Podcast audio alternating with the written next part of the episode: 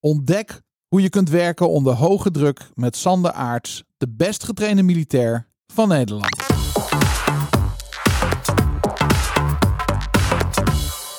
Roeland, welkom in de podcaststudio van Storyband. Daar zijn we weer. Yes, dankjewel Daan. Leuk. Dit is de eerste aflevering in ons nieuwe seizoen. Eind augustus, ja. Ja. En we hebben een hele speciale gast. Een hele speciale mag je wel zeggen, toch? Toch? Ja, vind ik wel hoor. Ik was wel aangenaam verrast dat hij ja zei. dat is het eerlijke, eerlijke verhaal. Ja. Nee, maar echt. Ik bedoel, je vraagt iemand, ik weet hoe druk die man is en wat hij allemaal doet. En de tv-programma's die hij maakt en, het- en de bedrijven die hij leidt. En, en ja, weet je, iedereen wil deze man denk ik wel interviewen. Ja. En eh, hij heeft voor ons gekozen. Dus eh, fantastisch. Goeie keuze, zou ik zeggen. Ja. Toch? Het spreekt ook altijd wel tot de verbeelding, hè, Special Forces. 100%, ja. En dan de best getrainde militair van Nederland. Ik dacht eerst dat het een beetje een marketingterm was op die voorkant van het boek. Totdat ik het boek ging lezen. Ja, blijkt het gewoon waar te zijn. Ja, blijkt ook- gewoon te klo- kloppen. Ja, klopt ook marketing een keertje. ja, Echt hè? ja. Uh, tijdlijn joh. Niet Ja. normaal. Ongelooflijk hè? Dankbaar mogen we zijn voor dit soort mensen. Maar daar gaan we het over eh, hebben met hem. Ja. Ehm, maar waar zie jij nou uit als je, als je dan denkt van we gaan Sander interviewen? Zijn verhalen natuurlijk, maar- ook vooral eh, wat, wat gebeurt er dan in het koppie? Ja. Dat vooral hè? Ja. ja, ik kan me voorstellen als het, als het zo echt is, zeg maar. Hè, we, eh, ik, ik kijk wel eens naar een jachtseizoen bijvoorbeeld en dan zie je ook Ja, dat is leuk hè? Ja, ja, dat is misschien een beetje een gekke vergelijking. Maar je ziet zeg maar op het moment dat ze dan op jacht zijn, jongen, nou dan, eh, ze worden helemaal gek. Ja. En dan, eh, dat is gewoon een, hè, een simpel spelletje. Maar je, je ziet wat het met de mensen doet. Kan je nagaan als, je, als, dat, als dat in het echt zo is. Als echt leven, leven en dood op het spel staat. Ik denk dat ieder mens toch ook altijd de vraag heeft, wat zou ik doen? Ja, natuurlijk. Onder hoge druk. Ja, en dan ga je andere keuzes maken, denk ja, ik. hè? Ja. Het blijft bijzonder, vind je niet? Zeker. Wauw. Ja. Ja, dat is wel grappig. Ja, jachtseizoen. Ik heb er eentje gezien met eh, de prinses. Eloïse. Oh, nee, geen, geen idee. Ik ben niet zo heel erg Er gaat- goed in het Koningshuis. Er gaat geen lichtje branden. Maar het was wel een leuke uitzending. Want haar ouders deden ook nog mee. Oh, haar moeder. Ja? Ja, die, pikte, die zat in het complot. Ja, ja, ja, precies. Ja. Leuk, ja. Eh, dat, dat is inderdaad, ja. Wat, wat zou je doen onder hoge druk? Heb jij trouwens in dienst gezeten? Ik niet, nee. Nee, ik ook Nee. niet.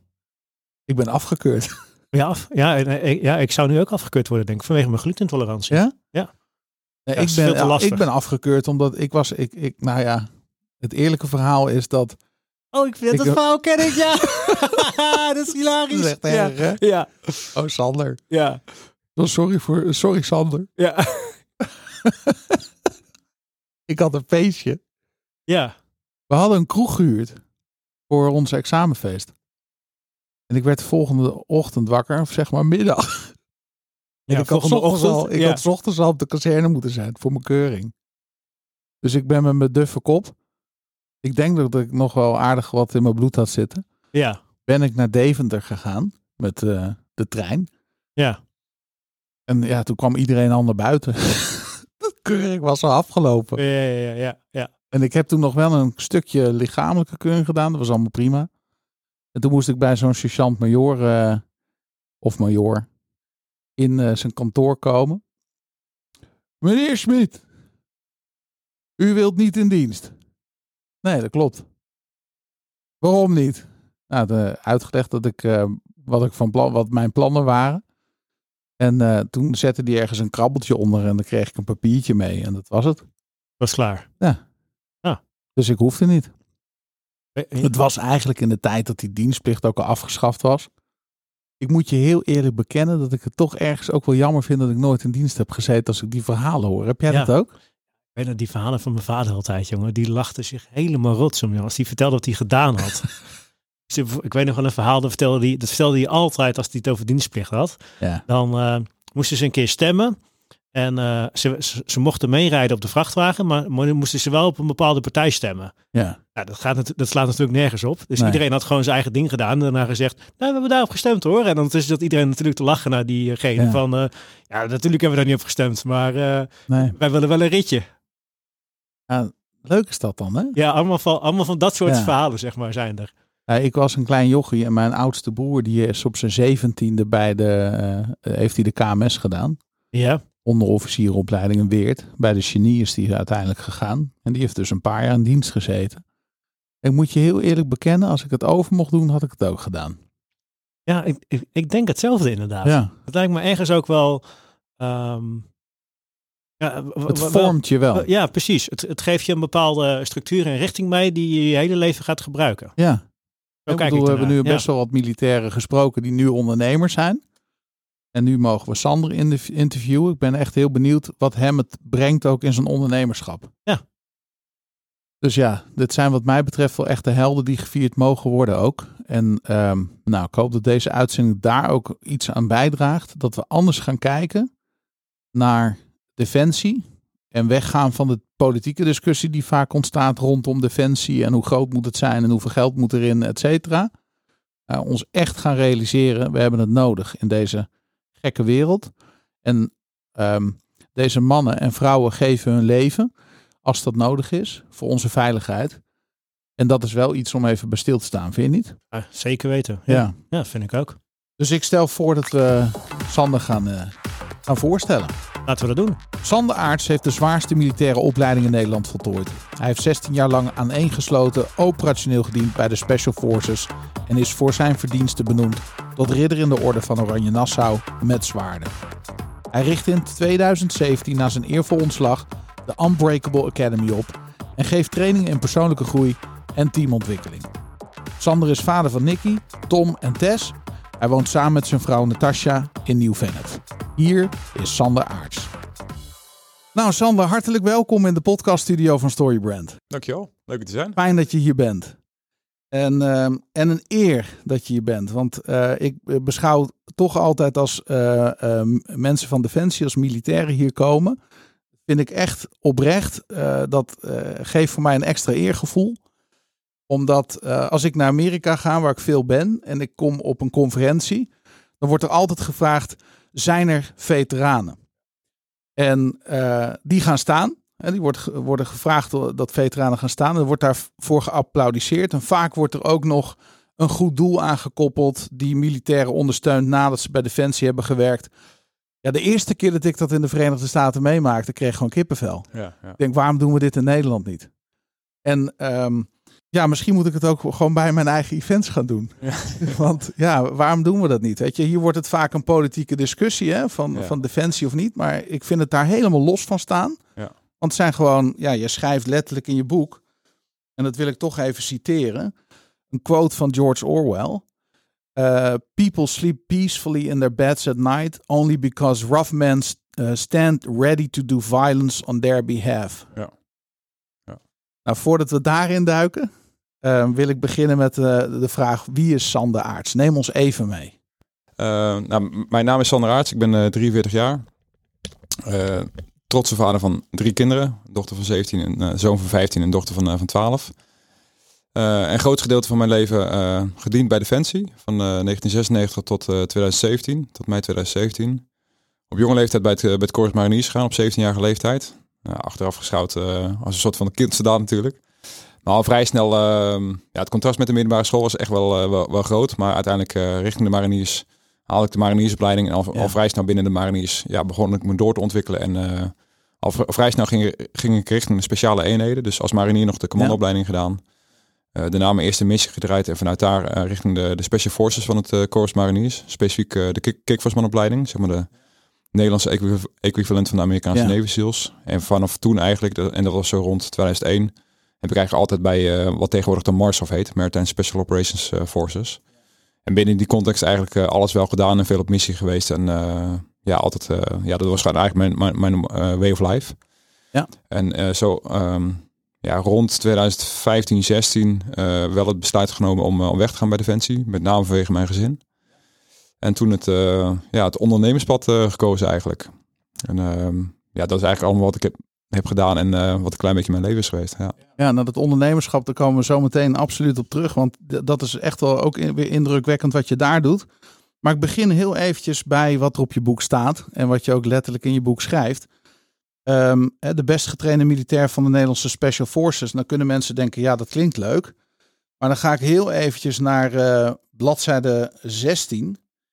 En dan uh, kom ik een lijst tegen van opleidingen die jij gevolgd en trainingen die je gedaan hebt. Ja. van 1996 tot en met 2018 zelfs. Hè? Want Ja. eh, dan word je geridderd. Ehm, maar inderdaad, opleiding marinier, opleiding commando.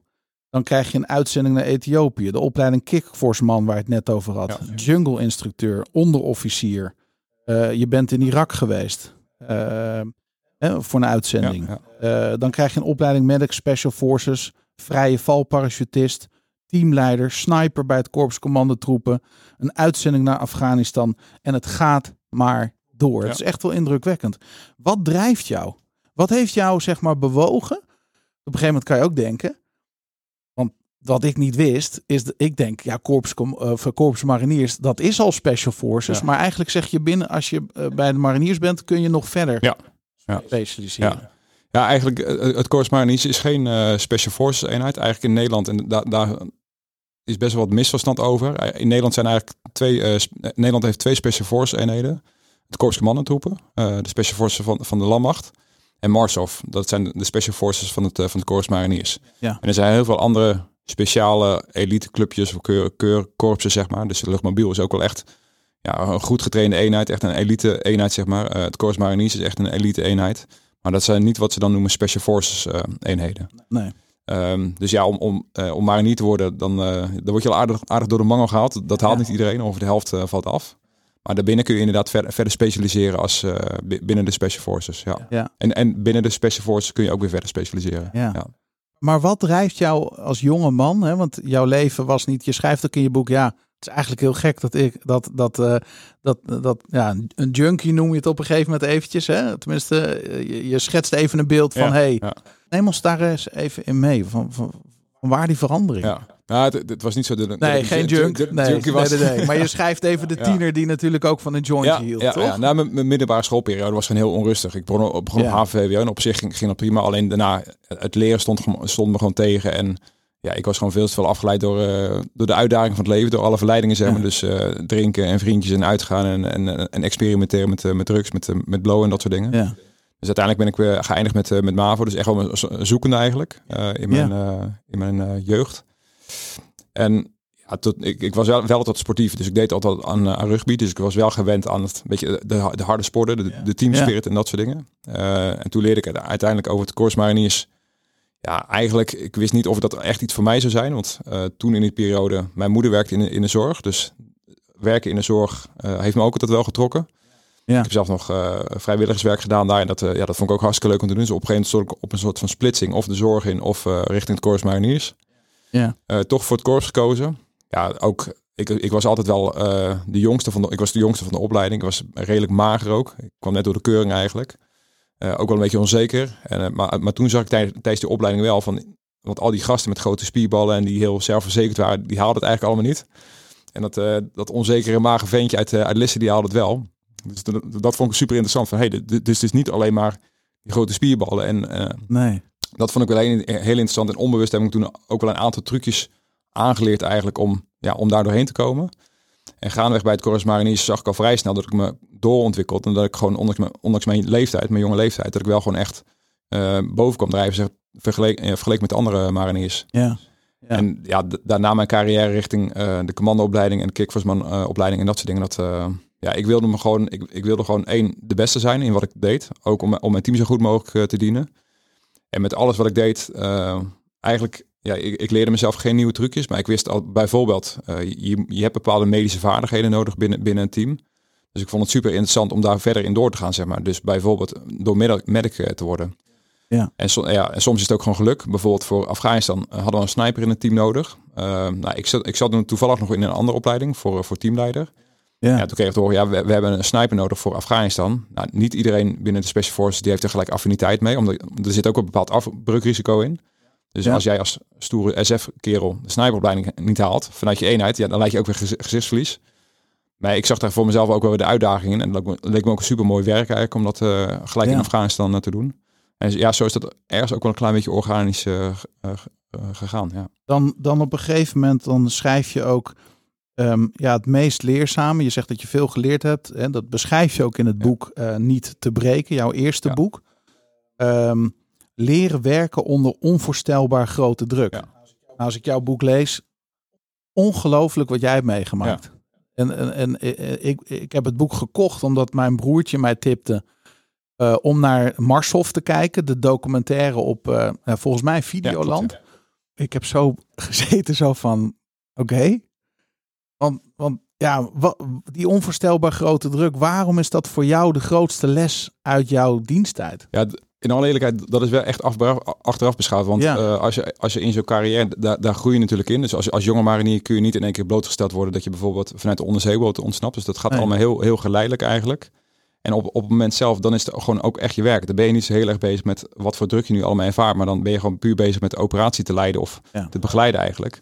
Maar achteraf ga je denken wat voor factoren er allemaal, eh, wat voor krachten er allemaal speelden, zeg maar. En, en natuurlijk denk je nou over de risico's. Maar ja, achteraf krijg je vaak een beetje helderheid natuurlijk.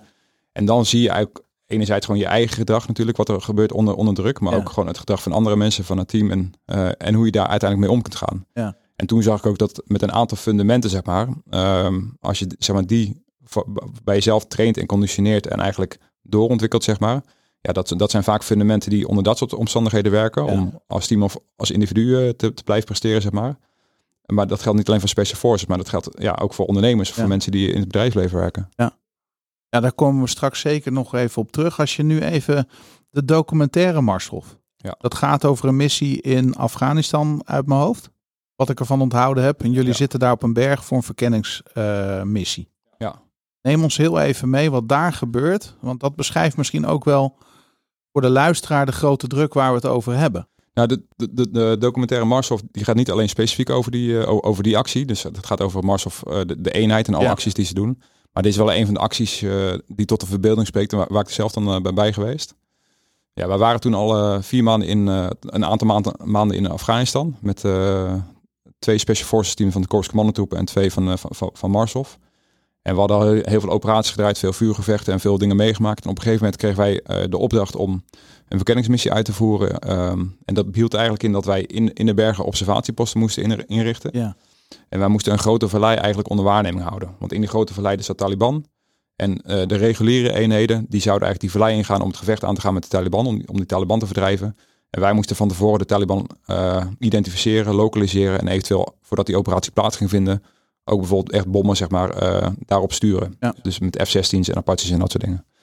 Dus wij, nou, na een hele zware infiltratie, toen, ja, in principe hadden we zoiets van, we liepen met rugzakken van 55 kilo ongeveer door de bergen. S'nachts. Vanwege ook je water wat je mee moet nemen. Het is niet alleen... Precies. Nee, echt alles, alles moest je meenemen inderdaad. Dus je, je moet je voorstellen, je bent dan ja, minimaal een week moet je echt zelf-supporting zijn. Dus je kunt niet zomaar even eten bestellen. Dus je moet echt alles zelf meenemen.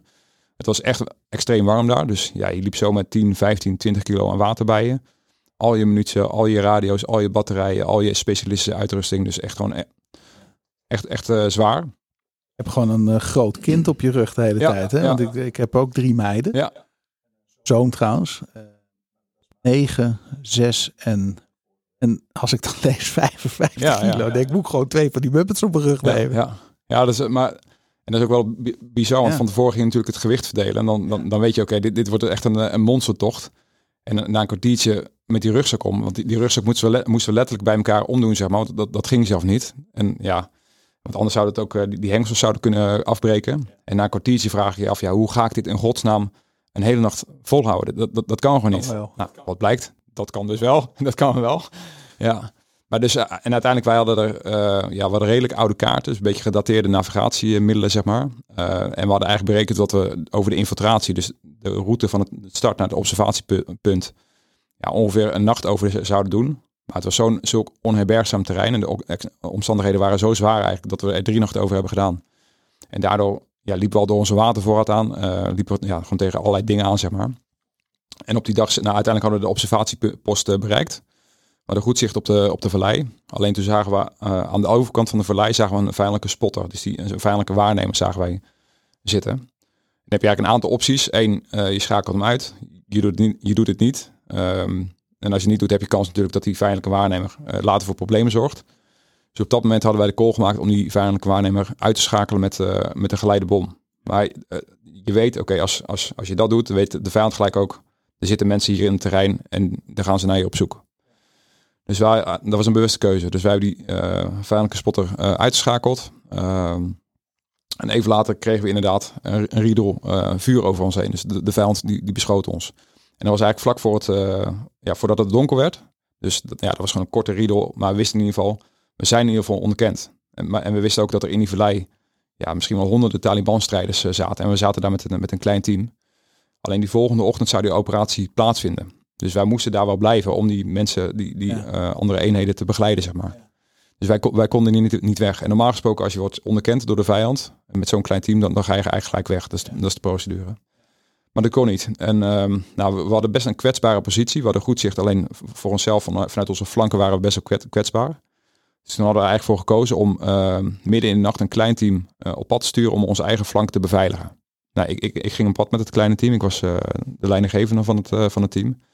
Dus wij gingen in- midden in de nacht op pad. Eh, ik had een goede positie waar we onze flank eh, konden beveiligen. En ja, toen gingen we eigenlijk wachten tot het licht werd, zodat die grote operatie plaats kon vinden en ons team met de observatiepost eh, zijn werk kan doen. Nou, al vrij snel toen het licht werd, zagen we een groep gewapende mannen, Taliban-strijders, een mannetje of twaalf, onze kant op komen vanaf ongeveer 1500 eh, meter. En dat is eigenlijk een heel, een heel proces geweest. Nou, uiteindelijk probeerden we eerst de Apache gevechtshelikopters op af te sturen. Maar iedere keer als die Apache helikopters in de buurt kwamen, ja, doken die Taliban-strijders weg en eh, konden ze niet gevonden worden. En inmiddels was die grote operatie, die was, die was begonnen. Dus die gevechtshelikopters die waren ook nodig ergens anders. Dus die, eh, die gingen weer weg. En die Taliban-strijders pakten hun wapens weer op en die kwamen verder onze kant op. Nou, die, die liepen op, op een gegeven moment op, op 1200 meter, op 1000 meter. Toen raakten ze uit het zicht. Want ze lopen daar door rotspart- rotspartijen en dat soort dingen. Dus toen heb ik er eigenlijk voor gekozen om samen met een, met een maatje van mij om eh, op pad te gaan om te kijken waar ze, waar ze liepen. En die twee andere gasten die, eh, die bleven onze flank zeg maar eh, beveiligen. Dus ja, ma maatje en ik waren aan het klimmen en het klauteren constant Ja. eh, aan het zoeken naar die groep, groep Taliban-strijders. Nou, dat is een heel proces geweest en uiteindelijk hebben ze, zagen ze weer op ongeveer 200, eh, 200 meter lopen. Toen zijn we eigenlijk met z'n tweeën op een grote rotspartij geklommen.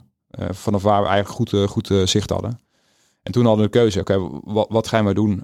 Laten we ze doorlopen. En dan was het risico dat ze eigenlijk naar een ander team van ons, dat ze die in hun flank zeg maar, zouden, zouden, zouden bereiken. Met alle gevolgen van dien. Of gaan het gevecht aan. Alleen we waren met z'n tweeën en zij waren met een mannetje of eh, twaalf. ook met zware wapens en raketwerpers en eh, kalasjnikovs.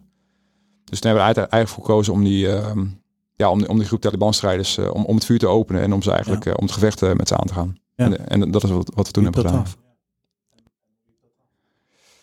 Ehm, nou, wat we eigenlijk deden, is- was eigenlijk een soort hinderlaag. Eh, dus wij zaten met z'n twee op een, op een grote heuvel. Ehm, ja, ik, ik, we, deden een soort van overval. Dus die, die, die, die maat van mij, die had een eh, raketwerper. Dus die begon met ja, raketten in het midden van de groep eh, te schieten. En ja, ik schoot ook op, eh, op, op die groep. Daarna, dook- je ziet gelijk dat je mensen raakt. En, ehm, en de andere gasten, Taliban-strijders, die, die verstopten zich gelijk achter, achter de heuvels. Dus toen, hadden we, toen zagen ze niet meer. Eh probeerden nog wel een klein beetje vuurcontact eh, te, te zodat ze hun koppen weghielden. Maar wisten, oké, er zitten daar nog steeds Taliban-strijders die eventueel kwaad in de zin hebben, met zware wapens. Dus toen hebben we eigenlijk de keuze gemaakt om met z'n tweeën om naar beneden te gaan en om ze te, te, benaderen. Ehm, ja, dat is wel echt een, eh, een redelijk bizar moment. Om, ja, achter iedere rotspartij, achter iedere spelonk kan, kunnen natuurlijk die, die strijders zitten. Dat was gewoon letterlijk een handgranaat gooien, het hoekje om. Ja, en eigenlijk zo hebben we onze benadering gemaakt tot, eh, totdat we op de locatie kwamen van die, eh, van die Taliban-strijders.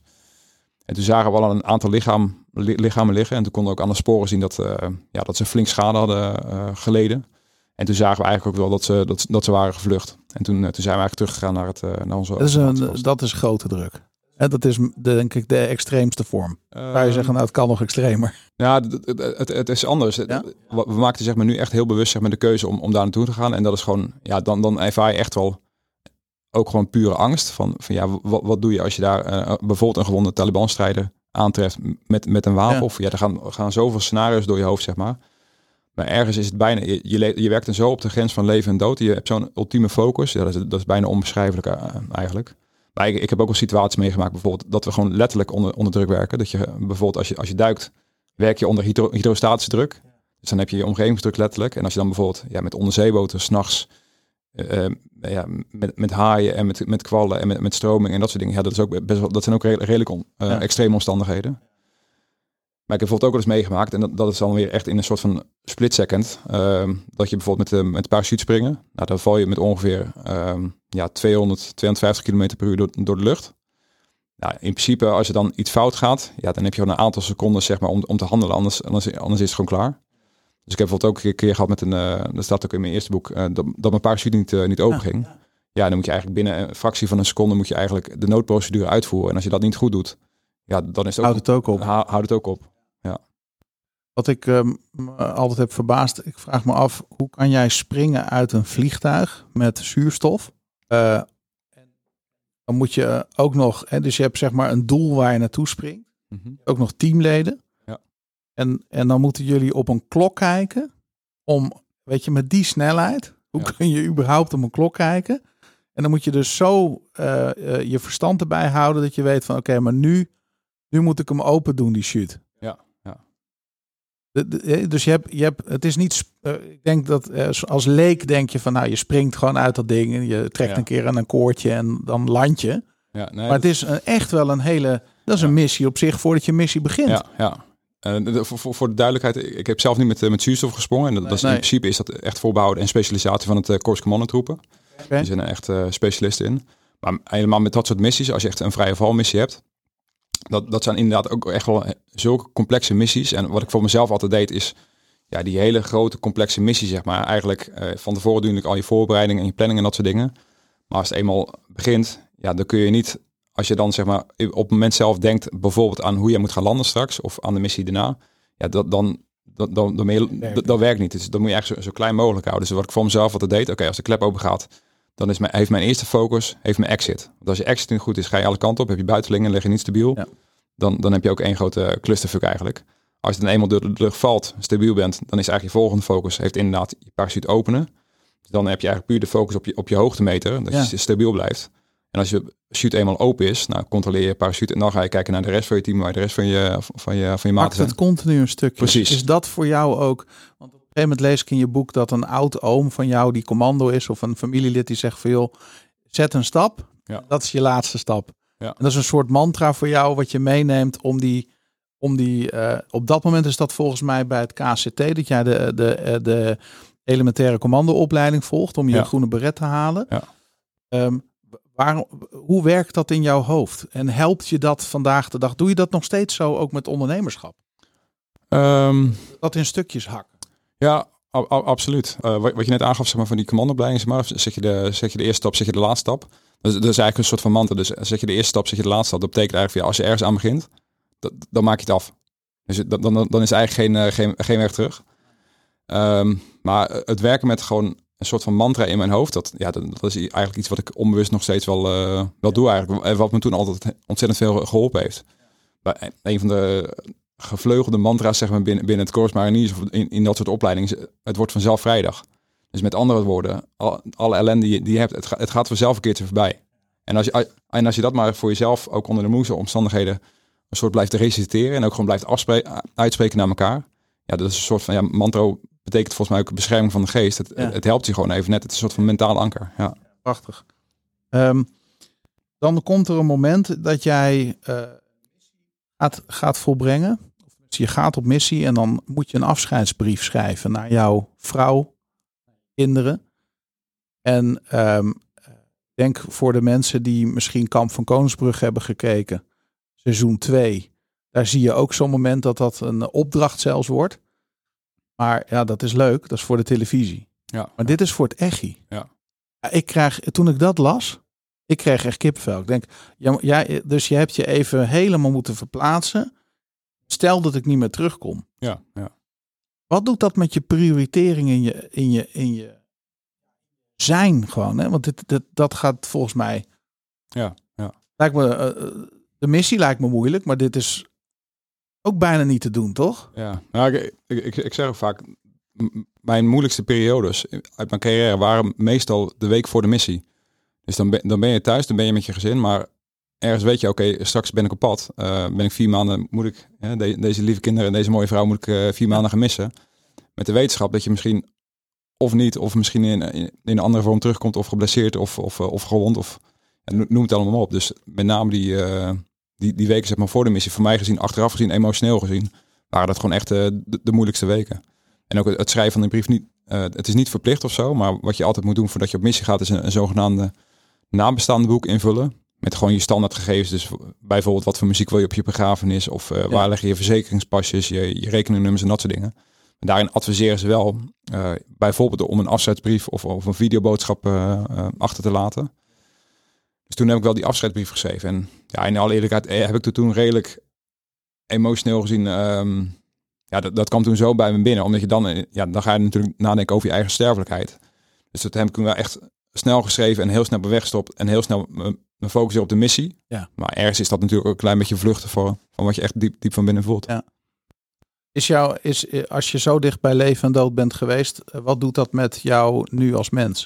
Ik kan me voorstellen dat het ook wel een enorme verscherping geeft in waar je prioriteiten, je tijd aan besteedt, wat je wel doet, wat je niet doet, met ja. wie je omgaat, met, met wie je geen tijd meer besteedt. Ja, ja.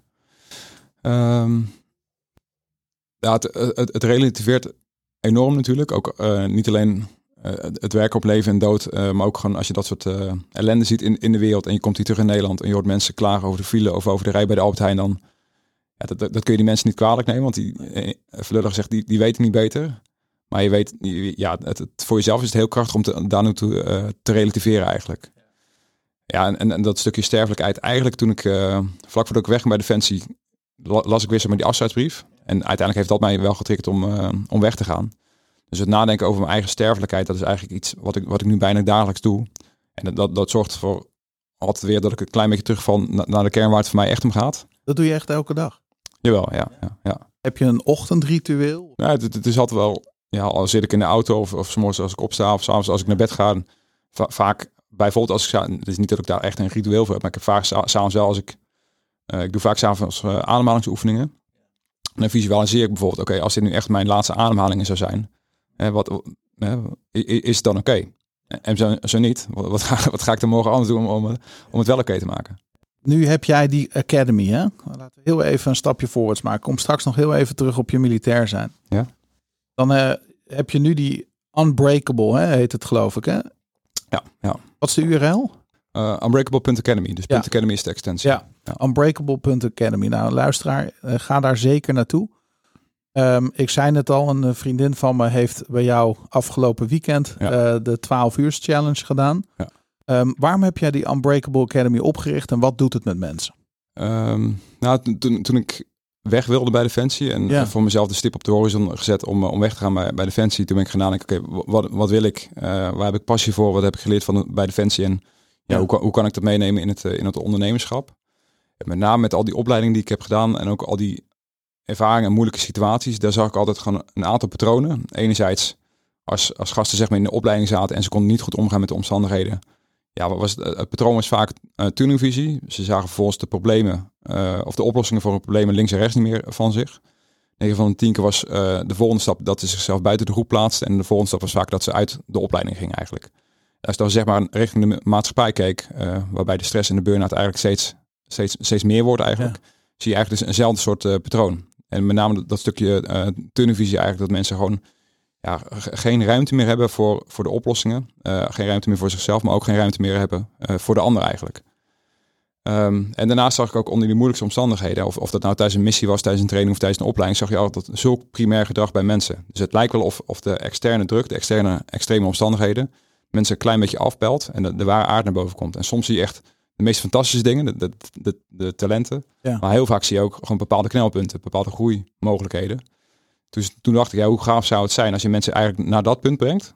Uh, dat zij misschien willen opgeven, dat ze ergens tegenaan lopen of dat zij, dat zij hun talenten zeg maar openbaren. En vervolgens niet om te selecteren, niet om te zeggen van je doet het fout of zo of zo, maar om vervolgens er samen naar te kijken, um, om, om vervolgens te gaan kijken, oké, hoe kunnen we dit nu gaan integreren in je leven? Zodat je eigenlijk nog sterker staat in het leven als individu of eh, als, als team. En eigenlijk, en niet alleen, um, ik geloof heel erg dat, ja, als je het over de verbinding in de maatschappij, in essentie komt het er ook een beetje op hoe, hoe mensen met, zich, met zichzelf omgaan, zeg maar. En hoe beter jij met externe druk om, om kunt gaan, hoe beter jij in verbinding staat met jezelf. Ja. En hoe meer jij in verbinding staat met, met de ander eigenlijk. Ja. Dus dat was eigenlijk mijn eerste pakketpaaltje buiten Defensie. Dus inderdaad het 12 uur programma waar, uh, waar Femke aan heeft, uh, Ja. heeft meegedaan. Dat Ja. was, ja, ik, ondernemerschap, ik, ik, ik had geen idee. Joh. Ik had alleen die visie voor dat programma. Dus ik had het 12 uur programma ontwikkeld. En dat was mijn eerste pakketpaal, pakket, pakketpaaltje buiten, buiten Defensie. En Ja. ja. Die, ja, dat was mijn focus voor het eerste jaar in eh, 2017. Eigenlijk dat hele programma eh, doorontwikkeld. Eh, en gaandeweg kreeg ik vragen vanuit bedrijven of vanuit, vanuit mensen wie ook, eh, kan je ook zo'n programma doen Alleen niet de hele nacht en ook iets minder intensief voor, mij, voor mijn team of voor mijn afdeling. Dus eh, ja, zo ben ik ook een klein beetje in de bedrijfstrainingen uh, gerold, zeg maar. En dat, uh, ja, dat gaat nu hartstikke goed. Ja. staat een heel Ja. bedrijf. Ja, ja, ja. Ik ging eh, voor deze opname nog heel even kijken. Ja. Je hebt echt een Ja. heel team wat je aanstuurt, allemaal trainers. Ja. Ja, en dat, dat, dat vind ik het mooi, want zeg maar, een hoop van de mensen eh, die, die ons ondersteunen met de training, die, die staan niet op de wedstrijd. Dat zijn gasten nog, eh, die nog werkzaam zijn of die eh, een soortgelijke achtergrond hebben. En ik zie het ook als een van mijn eh, fundamenten van mijn bedrijf, zeg maar, om gasten eh, die daar nog werken of eh, die in transitie zijn of die weg zijn, om hun ook een omgeving te bieden om zichzelf te ontwikkelen. Dat, is, dat is zeg maar buiten Defensie ja, hun skills kunnen inzetten en hun vaardigheden kunnen inzetten. En enerzijds, als zij bijvoorbeeld zelf maar weg gaan bij Defensie, hebben ze een rugzak gevuld. Ze leren andere vaardigheden. Dus uiteindelijk niet iedereen met mijn achtergrond is even geschikt voor dit soort trainingen. Dus je moet wel ook dat stukje coaching en een stukje menselijke approach kunnen hebben. Maar daarnaast ook die ervaring nemen ze ook mee naar Defensie. Dus ik, ja, ik geloof dat, dat, dat het een soort van brug, brugwerking heeft. Prachtig vind ik dat. Ja. Ehm, maar, maar, maar ne- neem ons als luisteraar ook even mee in wat we bij jou allemaal ehm, ja, kunnen afnemen. Wat ons noemt de 12 uur challenge. Ja. Maar, maar eh, mogen we jouw pro- producten even eh, langslopen? Ja. Allereerst, iedereen moet het boek niet te breken lezen. Dat is mijn tip. Dankjewel. Ja. Eh, dus die zetten we in de show notes. Jouw tweede boek, hoe heet dat? Eh, mi- Mission Mindset. Missie Mindset. Hè? Ja. Dan ga je nog dieper eigenlijk in op dat eh, kopie van ons. Hè? Ja, ja, absoluut. Ehm, dat zijn jouw boeken, dus die, Ja. die gaan we iedereen aanbevelen. Maar neem ons even mee. Wat kunnen we nog meer bij Sander? Ehm, nou, uiteindelijk, de, wat ik zeg, de kern van mijn bedrijf, het eerste product was het 12 uur programma, 12 Hour Evolution. En Maar ja, dan beginnen we s'avonds om 6 uur tot de volgende, volgende ochtend 6 uur. En dat is best wel een heftig eh, programma. Dus dat, dat is niet voor iedereen geschikt, dat snap ik ook hartstikke goed. Maar daarnaast hebben we ook geleerd, zeg maar, door de teams die wij begeleiden. Als wij, wij, wij ja, we geven nu heel veel teamtrainingen. 9 van de 10 is een dag of een tweedaags of, of een Ja. lange traject. Maar eigenlijk door, door, het, door het concept zijn we eigenlijk in staat om een team binnen één dag ja, gewoon een klein beetje, niet een klein beetje, maar eigenlijk gewoon, gewoon hele concrete inzichten en actiepunten te geven. En dat, dat ook daadwerkelijk te integreren in het team. Dus binnen een dag hebben ze eigenlijk gewoon, eh, ja, kunnen ze gewoon echt concrete stappen te maken om gewoon eh, sterker met moeilijke omstandigheden om te gaan, maar ook van- vanuit meer verbinding onderling. Dus we geven heel veel teamtraining en teamtrajecten. Ehm daarnaast hebben we ook een eh, online community. Ja. Dus eigenlijk een klein beetje ontstaan eh, tijdens de lockdown. Dus Ja. eh, alle offline trainingen, dat ging hem niet door. En ik had altijd al het idee van, van online community, een online leermodules. Enerzijds om onze deelnemers van het 12 uur programma beter te begeleiden. Dus Ja. ja. daar komen alle mentale modules of mentale vaardigheden komen in, ehm, komen in voor eigenlijk. Ja. Dus ik heb de hele eerste lo- lockdownperiode gebru- gebruikt om samen met een collega, die is eh, psycholoog, om al die leermodules eh, te ontwikkelen. Over visualisatie, over doelen stellen, over, over mindset, over zelfvertrouwen, over Ja. emotieregulatie, over ademhaling. Ehm, en gaandeweg, eh, ja, dat is eigenlijk een hele community op zich geworden. Dus dat zijn ook mensen die niet meedoen met het 12 uur programma, maar die... En dat was enerzijds ook met het idee dat ja, niet iedereen heeft een ondersteunende omgeving. Thuis of, of bij werk. en die community is eigenlijk bedoeld. Nou, de payoff van de community is ook door weerbaarheid verbonden. Dus dat mensen elkaar inspireren en helpen en, en motiveren zeg maar, om, ja, om samen gewoon eh, sterker in het leven te staan, om samen doelen te stellen en om, eh, om te verbinden eigenlijk. En dan geven we iedere week geven we online, eh, ja, een online masterclass over leiderschap, online masterclasses over, eh, over yoga bijvoorbeeld, over ademhaling. Dus dat, eh, ja, dat is echt een, eh, ja, een, een mooi iets. Echt zeg maar, een die- levende community. ja, ja, dat is hartstikke gaaf. In, in het verlengde van het 12 uur programma hebben we, te- hebben we ook een eh 72 uur programma. Ja. Ik kreeg al heel vaak van mensen die, er waren al mensen die al, al vier, vijf keer degeno- de, eh, meegedaan aan het 12 uur programma. Ja, Ja. ja. En die zeiden iedere keer, joh, wanneer kom kom je nu met een, eh, met een langer programma? En ik had iets, ja, ik hoefde niet een, een 24 uur, dus dat is ja, gewoon een beetje meer van hetzelfde, zeg maar. Ik wilde gelijk echt een next level doen. Dus toen heb ik samen met mijn team een 72 uur programma ontwikkeld. En die hebben we nu ehm, drie keer gedaan. Ja, dan, dat, die- dan zie je, de deelnemers maken gewoon echt een transformatie. Dat, gaat dat gaat zo diep. En dan- ja, dan raak je de, de mensen echt zo in hun kern, zeg maar. Het is wel echt redelijk eh, fysiek en mentaal natuurlijk, maar ja, dat is gewoon zo gaaf om te doen. Eh, Wat, wat zie jij bij, bij die programma's gebeuren? Ehm, ik, ik, ik kan wel één specifiek eh, ge- geval, tenminste een geval, één specifieke casus zeg maar eh, delen. En dat, ja, zo, zo heb ik eigenlijk heel veel. Maar dat is bijvoorbeeld één gast eh, die had, nou dat is op zich wel een mooi verhaal is dat. Ik, ik was toen bezig met mijn, eh, met mijn tweede boek. Eh, ik was aan het schrijven en ik, ik had echt een soort van, van, van writersblok. Ik had zoiets van, ja, voor wie doe ik het nu allemaal? En eh, doe ik het nou voor de uitgever, voor de literaire agenten? Iedereen die wil iets van me, weet je, voor, voor wie doe ik het nou? En vanuit het niets, dus aanhalingstekens, kreeg ik een eh, mailtje van, eh, van, een jongen, Berend. En die had mijn eerste boek gelezen. En hij, tenminste, hij was onderweg naar een eh, psychiater, want hij, zat in een depressie. Hij, hij, nou, per toeval liep bij een boekhandel in en za- zag mijn boek. En dat boek was toevallig ja, net een lifeline, zeg maar. Dus ik las die, dat, dat moest er zijn. Dus ik las die mail. Ik denk van ja, ik doe het niet voor mezelf. Ik doe het niet voor de uitgever. Ik doe het niet voor literair agent. Ik, ik doe het voor de jongen. Daar, daarvoor ben ik nu aan het schrijven. Dus dat gaf mij weer inspiratie. En later, toen uh, draaide ik een 12 uur programma. Toen zag ik die nou even bij. Ik dacht, hey, die jongen doet mee met een 12 uur programma. En was echt zo'n, ja, beetje zo'n stoere bouwvakker onder de tato's. En uh, ja, gewoon echt een ruwe bolste blanke pit. Um, en op een gegeven moment tijdens die 12 uur programma hebben we ook een soort van, van stressfase. Dan staan ze echt onder moeilijke omstandigheden. staan ze gewoon letterlijk uh, onder, spanning. En hij, hij stond daar en hij hield een zwaar object vast. En uh, ik, ik loop naar hem toe. Doe ik vaak tijdens die stressfase. Dan check ik even bij ze in. En ik vroeg hem van, joh, um, hoe, ga, hoe gaat het met je? Nou, ik zag al dat hij een klein beetje, dat, dat hij het zwaar had. Hij zegt van, ja, het, gaat niet zo goed. Ik zeg, oké, en waar, waar, waarvoor ben je hier dan? Hij zegt van, ja, ik wil beter omgaan met mijn emoties onder moeilijke omstandigheden. Ik zeg, en hoe gaat het nu dan? Ik voelde me al een klein beetje hè, dat hij uh, dat, gespannen was en dat hij ook emotioneel was. Dus ja, dat, gaat echt niet goed. En tijdens het programma halen we heel vaak de ademhaling aan, dat je daarmee kunt, kunt reguleren. Maar hij zegt ja, zelfs met mijn ademhaling krijg ik het niet meer onder controle, zeg maar. En hij stond mij met het zware ding, zeg maar. Dus op een gegeven moment haal ik dat zware ding uit zijn handen. Ik zeg, hoe is dit dan voor je? Ja, en toen, toen brak hij eigenlijk volledig. En eigenlijk, en soms kunnen we heel hard zijn, zeg maar, om mensen naar een bepaald punt te brengen. En toen zei ik van hem, van, je, mag, je mag het aangeven als je zwaar hebt. Je, je mag hulp vragen. Je mag af en toe die last die jij draagt, hè, en dan de, de last is de metafoor voor de emotionele last, die mag je, die mag je delen. Ja, voor, voor die jongen was het zo'n transformerende omgeving. En juist omdat het fysiek zo zwaar is, ja, is het gewoon echt een, een ervaring die gewoon in, in je gevoel verankerd zit. Dus daar kunnen ze altijd op terugvallen, zeg maar. En, en ja, heel, ja, er zijn ook bijvoorbeeld situaties dat we, ja, omdat we gewoon echt, echt tot, tot de kern gaan, bij sommige mensen, ja, die dragen bijvoorbeeld gewoon trauma's uit hun jeugd. Nou, gelijk een disclaimer, we zijn geen therapeuten of dat soort dingen, maar dan komen af en toe echt gewoon diepe stukken bij mensen in boven waar ze zich totaal niet bewust van waren. Lijf eigenlijk ja, opgesloten zit, en omdat je dat lijf aanzet, ja. komt dat naar boven en wordt het eigenlijk een openbaring voor je geest, dan kun je er wat mee. Precies, ja. Schitterend, hè? Ja, ja. Ik wil nog heel even terug naar uh, wat we net uh, zeiden, want dat vind ik echt wel een belangrijk punt waar we de podcast mee zijn begonnen. Um, de quote van George Orwell, uh, dat mensen, hè, wij slapen elke nacht veilig in ons bedje, terwijl er gewoon mensen zijn zoals jij die hun leven uh, willen geven ja. voor de veiligheid.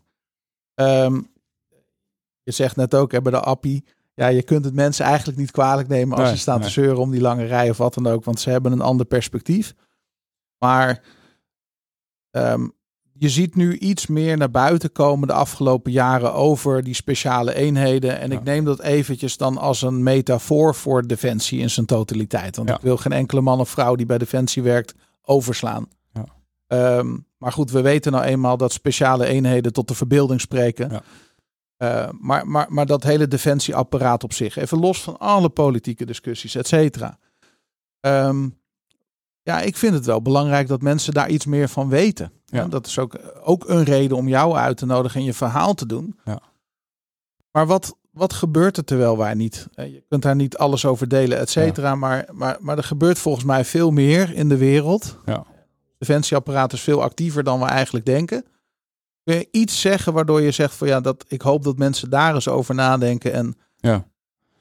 Dat, dat heb ik ook vaak. Ik, ik heb de laatste tijd wel veel over nagedacht. Sowieso afgelopen vijf jaar natuurlijk. En ook Ja. eh, toen ik uh, tussen aanhalingstekens zeg maar uit, uit de schaduw eh, trad. ja, En heel veel mensen vanuit mijn eenheid of vanuit Defensie, die, die vonden daar ook wat van. En dat ik, dat ik een boek schrijf en dat ik dan een beetje stoer op die, op die cover sta te kijken en dat er zo'n ondertitel op staat, dat, daar vinden mensen wat van.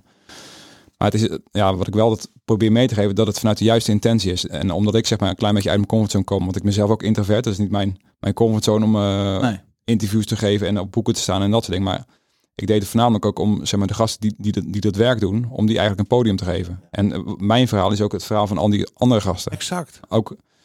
En wat ik altijd probeer uit te leggen, zeg maar ook mensen die, hè, wat je zegt over politiek, wel of geen defensie en inzet in Afghanistan, in, inzet Irak. En ik, ik, ik snap het hartstikke goed dat mensen daar kritisch op zijn. Ik, ik denk dat het ook goed is. Maar ik hoop wel altijd, oké, en ik geef het voorbeeld altijd aan, eh, als we bijvoorbeeld hier in Nederland een school wordt gegijzeld, eh, en jouw kinderen zitten daar in school, eh, en lopen daar terroristen met Kalashnikovs binnen, dan weet ik zeker dat jij het echt heel fijn vindt dat er een groepje man is die, die dat schild oppakken en die tegen de kogelregels inrennen om jouw kindje te redden. Met gevaar voor eigen leven. En dat zijn dezelfde mannen die richting Afghanistan gaan of vrouwen, Irak gaan. Dat, dat zijn dezelfde mannen en vrouwen. En dat vraagt een bepaald type mens, dat vraagt een bepaald type co- commitment. Je mag er alles iets van, vinden, maar ja, een klein beetje waardering en respect ook. En eh, ja, ook gewoon draagvlak voor, voor hetgene wat, wat zij doen. En Ja. de opofferingen die, die, die zij maken. Want en wat je vaak niet ziet, eh, eh, natuurlijk zijn er eh, mensen zijn overleden in, Afghanistan. Ze zijn gewo- gewond geraakt, ook tijdens andere missies. Maar ook gewoon de mentale en emotionele eh, opoffering die de militair zelf maakt, maar ook hun omgeving. Ja, dat, dat, dat, dat zien mensen niet. Bijvoorbeeld ook mijn, mijn gezin, ja, die hebben een prijs betaald. En ja, nog steeds af en toe. Eh, onbekend maakt onbemind. Ja. Hè, dus het feit dat jij uit die schaduw treedt en ook anderen dat eh, soms doen. Hè. We hebben natuurlijk eh Dai eh, Carter die dat Ja. boek heeft geschreven, Nu of Nooit. Ja. Ray Klaasens die wat meer naar buiten is getreden.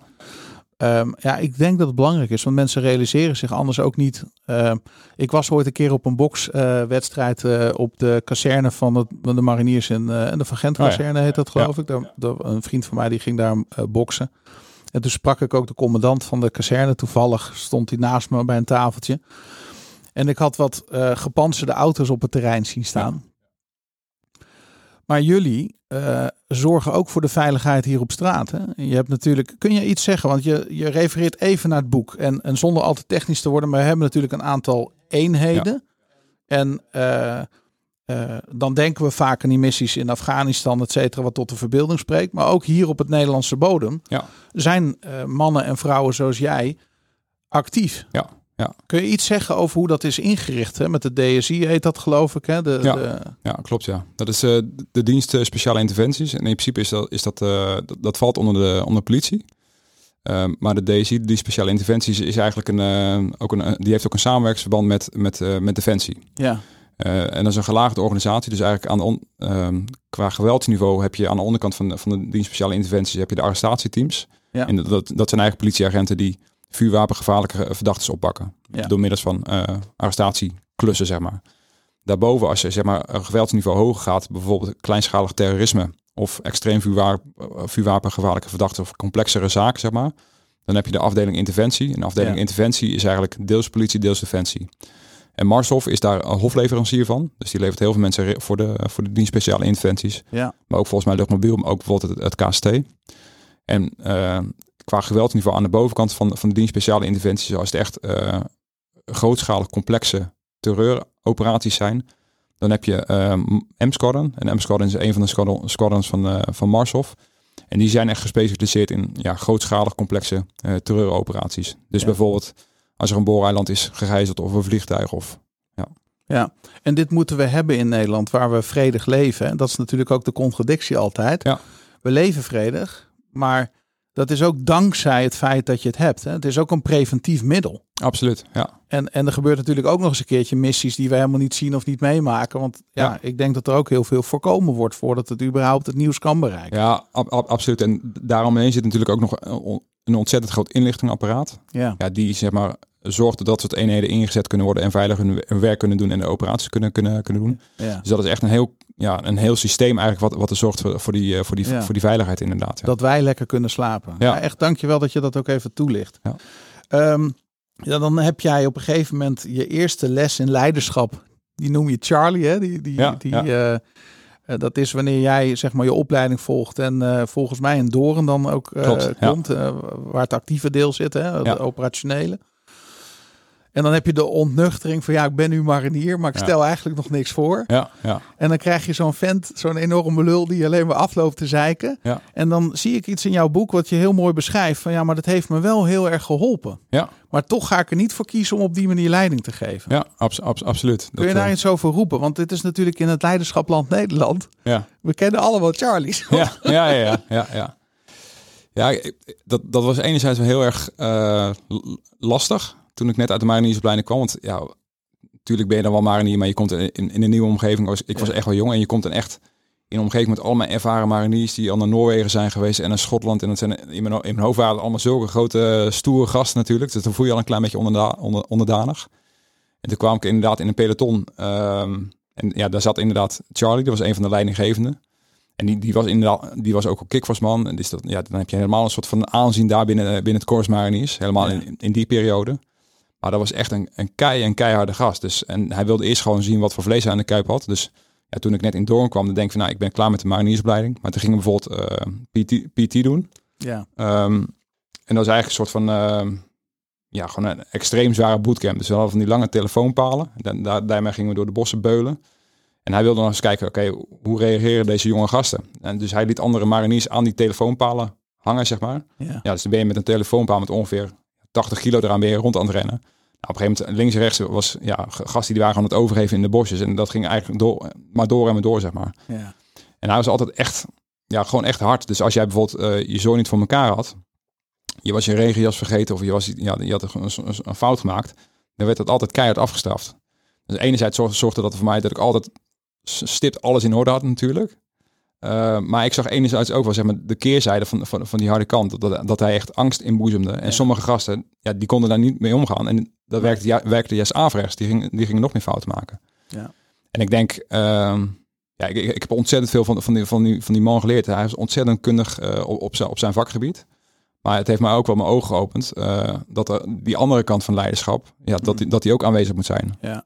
Ja. En dat, dat past ook veel meer bij wie ik ben en waar ik vandaan kom. ja. Zo heb je ook leiding gegeven. Zo, zo geef je nu ook leiding. Ja, ik, ik, ik- moet zeggen, mijn hele leiderschap, dat is ook wel echt, eh, hoe ik nu leiding geef, dat is echt wel heel anders dan toen. Ja. Want ik was toen echt heel erg jong en eh, ik kreeg, Ja. ik kreeg al heel jong kreeg ik een leidinggevende positie binnen, binnen, binnen Marshof. Ja, dan heb je nog zoveel te leren en dan doe je ook heel veel vanuit onwetendheid, vanuit, vanuit spanning, vanuit onzekerheid. En eh, dus daar heb ik echt wel stappen in gemaakt.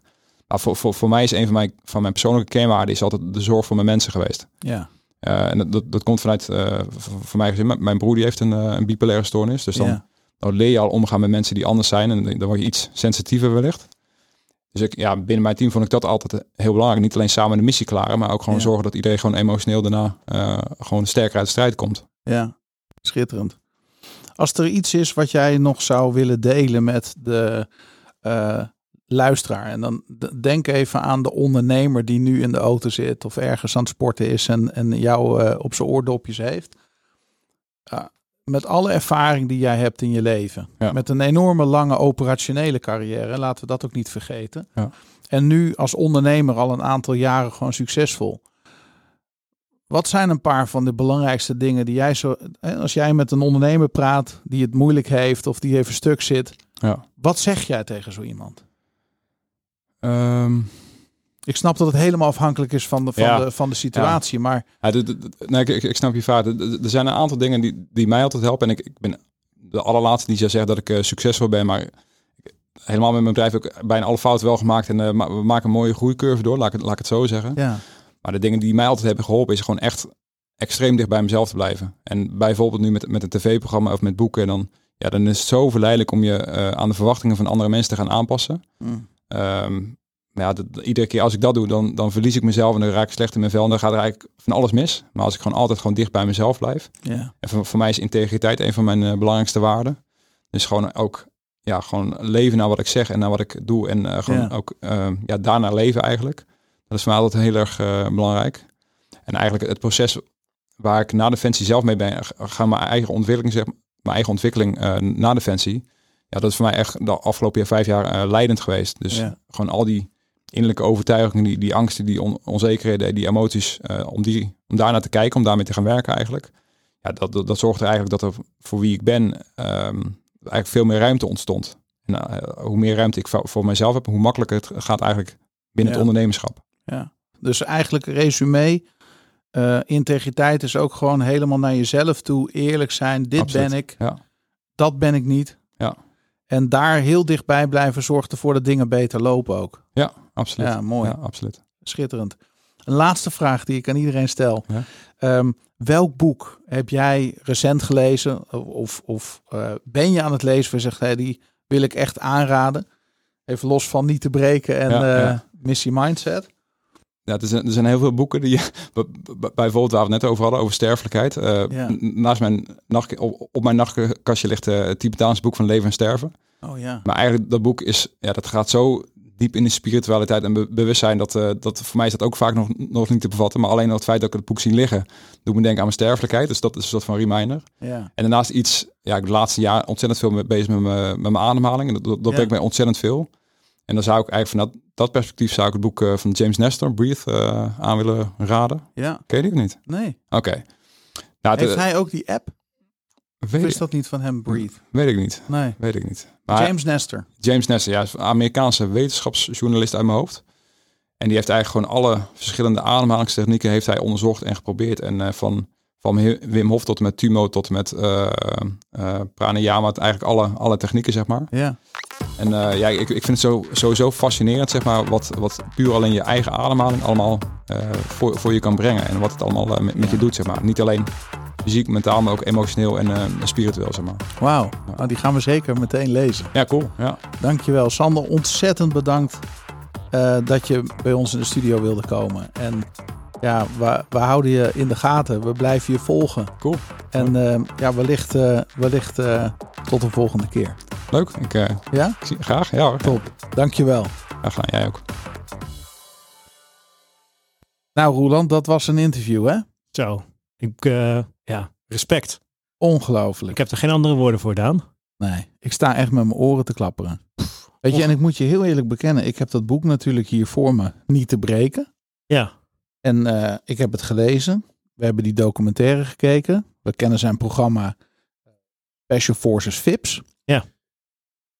Maar ja, ik was wel een beetje zenuwachtig toen die man hier binnenkwam lopen, als ik heel eerlijk ben. Ik kijk daar wel tegenop. ja maar, met zo'n lijst, joh. Dat is meer dan logisch, toch? Vind ik. Toch, als je hem ziet, zou je het niet zeggen. Dat vind ik dan altijd bijzonder van deze mensen. Ja, ik snap wat je bedoelt, ja. Stralen zoveel rust uit. Ja. En controle en zelfbeheersing. Ja, maar ik kan me ook wel voorstellen, ik had vroeger een docent en eh, die was bakker geweest en nu was die docent geworden. Die zei altijd, ja, ik kan de rest van mijn leven uitslapen. Ja. Ik kan me ook wel voorstellen dat als je zeg maar zo'n leven hebt gehad, dat het leven nu dan gewoon een Ja. stuk simpeler is. Toch? Ja. Ja, dat heeft wel een enorme relativering inderdaad. Ja. Ja. Ja. Maar ik ben echt, eh, ja, ik voel me zeer vereerd dat hij hier eh, net bij ons was. Nou, echt wel. Gaaf. Wat, wat zijn jouw hoogtepunten die jij hier hebt uitgehaald? Want ik zag je heel druk schrijven. Ja, ja. Ik zag je intens genieten. Dat is Ja, ook wel echt jouw cup of tea, hè? Ja, ik vind het, ja, ik vind het heerlijk. Ja, ja ik had zo'n boek, eh, denk ik twee jaar geleden al zo al een keer gelezen. Ja? Toen eh, kwam het een keer ergens voorbij. Ik denk, ja, dat, dat moet ik lezen. Dat vind ik sowieso leuk. Eh, eh, het eerste is denk ik zijn mindset, hoe die al begint. Ja. Hè, dat hij de jongste was en de kleinste was. En hè, eigenlijk in, in zijn hoofd dat, dacht hij van, oké, ga ik het allemaal wel redden? En eh, ja, uiteindelijk ziet hij het tegenovergestelde. En daar zie je al, die mindset is zo cruciaal. Ja. Ja, zijn mindset is, joh, ik wil gewoon de beste zijn. En dan maakt eigenlijk niet uit wat er gebeurt. Ik regel het gewoon. ja. Eh, Ik heb Ja. geen keuze. Ik heb geen, ja, ik doe het gewoon. Ja, ik doe het gewoon. Ja. Dit is wat ik wil. Ja. Je zinnen erop zetten. Ja, en ook hoe die eh, eigenlijk alles in kleine stukjes hakt. Hè, dus hij, hij, hij- hij kent wel het hele proces. Maar eh, nu ben ik hiermee bezig en nu moet dit goed gebeuren. En daarna door naar de volgende. Dat is trouwens ook wel de enige manier waarop ik vind dat ik mijn eigen werk kan doen. Vind ik ook. Want Ja. wij hebben, eh, dat geldt voor jou denk ik ook. Ehm, de dag is altijd te kort.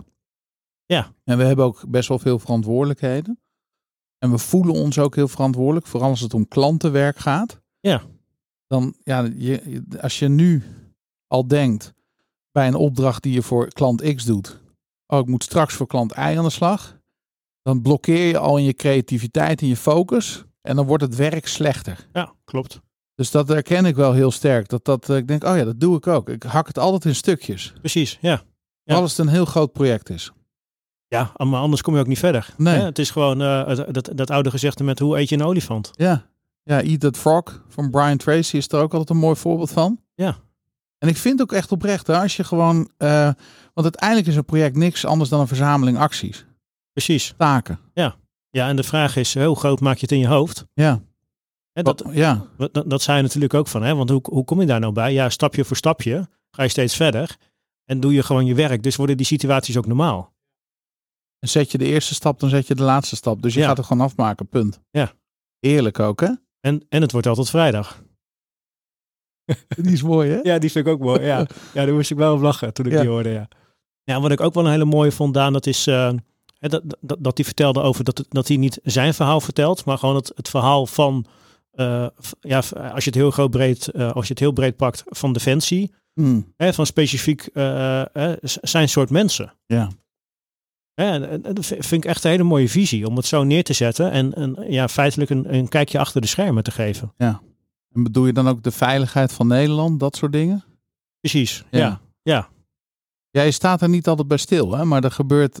Je zag ook hoe die keek toen ik die vraag stelde: van joh, volgens mij wordt er ook meer voorkomen dan dat we ooit zien in het nieuws. Ja, ja, zeker. Dat is gewoon, dat is gewoon een heel, heel systeem wat zorgt dat, dat, veilig, dat die veiligheid gewaarborgd is. Ja, ik heb een vriend van mij die, eh, die werkt voor de recherche. Die zegt van ja, ik, ik maak soms dingen mee. Dat is ja.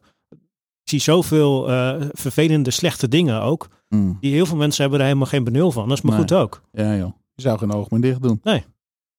Dus dan kunnen wij, maar, denk ik, maar gewoon het beste blijven klagen over die, over die rij bij de Albert Heijn. Ja. Want dan hebben we van de rest geen weet. nee. Als ik jou nog één keer hoor zeiken, jongen. ja, ja, ja, ja. precies. Oké. En- nog ruimte voor één? Ja, toch? Ja. eh, Zou jij een keer dat 12 uur programma willen doen? Ja, daar moest ik ook aan denken. Ik wist dat je dat geen vraag Nou, ik heb van Femke Hoogma gehoord dat je vijf kilometer moet hardlopen. Kunnen hardlopen en nog een paar dingen. Dus ehm, ja, ik train natuurlijk. eh, ik doe PT twee keer per week. En ik mountainbike ja, minstens één keer per week, maar meestal meer. Mhm. Dus ik sport wel veel. Maar dit is wel even een andere orde. Ja, hè? En als ik dan die foto's zie, denk ik, nou Daan, dan moet je nog wel even een paar kilo kwijt voordat je daar naartoe gaat. ja, ik denk dat ik het heel zwaar heb. ja, maar ja. Maar ik wil het wel. ja, toch? Ja, dat, Ja. zullen we gewoon een datum prikken. ja, laten we dat doen. En er naartoe werken. Ja, Zullen, zullen we het gewoon doen? Ja, ik, ik, heb, ik heb wel zitten kijken naar het van, oh, dat lijkt me cool om een keer te doen. Ja. Als je er bent, jongen, dan denk je, pff, Ja, dan ben ik, Nou, waar ben ik nou weer aan begonnen? ja. Ja. Maar misschien is het wel heel goed voor ons.